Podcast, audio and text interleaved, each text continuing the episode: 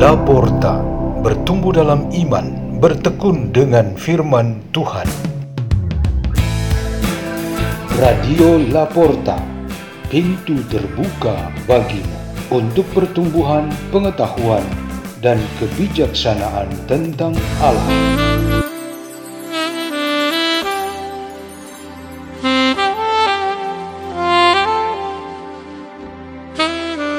Bacaan dan Renungan Sabda Tuhan Hari Senin Pekan kelima Prapaskah 4 April 2022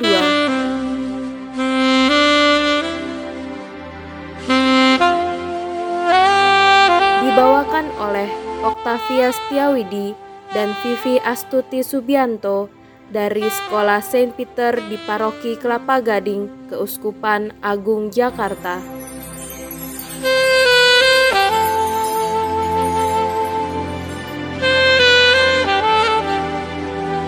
Inilah Injil suci menurut Yohanes bab 8 ayat 1 sampai 11. Sekali peristiwa, Yesus pergi ke Bukit Zaitun. Dan pagi-pagi benar ia berada lagi di bait Allah dan seluruh rakyat datang kepadanya. Yesus duduk dan mengajar mereka. Maka ahli-ahli Taurat dan orang-orang Farisi membawa kepada Yesus seorang perempuan yang kedapatan berbuat zina. Mereka menempatkan perempuan itu di tengah-tengah, lalu berkata kepada Yesus, "Rabi, perempuan ini tertangkap basah ketika ia sedang berbuat zina." Musa dalam hukum Taurat memerintahkan kita untuk melempari dengan batu perempuan-perempuan yang demikian. Apakah pendapatmu tentang hal itu? Mereka mengatakan hal itu untuk mencobai Yesus, supaya mereka memperoleh sesuatu untuk menyalahkannya tetapi Yesus membungkuk, lalu menulis di tanah dengan jarinya.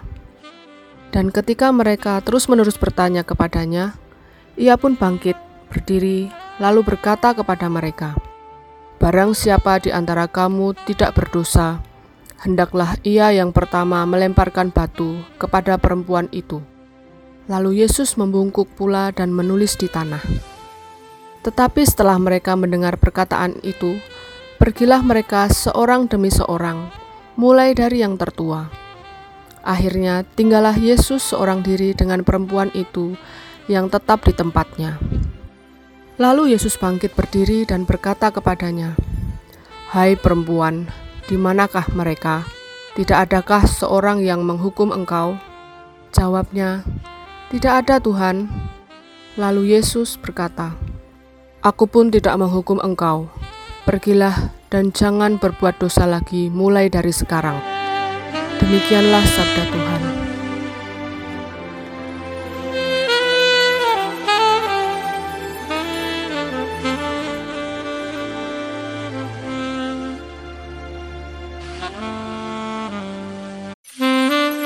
Tema renungan kita pada hari ini ialah ketika batu dan kayu menolak. Yudi seorang remaja nakal dan bandel namun pintar. Kedua orang tuanya sudah kesekian kalinya dipanggil oleh kepala sekolah dan guru kelas perihal sikap-sikap anaknya itu. Di rumah, Yudi sudah diberikan berbagai macam hukuman, dari teguran biasa sampai tamparan dan hukuman fisik lainnya. Di antara semua hukuman itu, yang paling Yudi hindari ialah pukulan ayahnya dengan memakai potongan kayu atau lemparan benda yang saat itu pas ada di tangannya. Di sini kecerdikan Yudi berfungsi untuk menyelamatkan dirinya dari hukuman ayahnya. Kayu dan benda yang selalu ayahnya pakai untuk memukulnya, ia sembunyikan. Yudi lakukan itu khususnya pada waktu hendak sengaja berbuat nakal ia lebih dahulu menyembunyikannya. Hasilnya, pada saat ayahnya nekat akan menghukumnya, potongan kayu sudah tidak ada di tempatnya. Batu dan barang-barang lain yang mudah untuk dipakai tidak ditemukan lagi. Sang ayah kemudian mengalah. Ia merasa seperti menjadi orang yang tidak kuat lagi.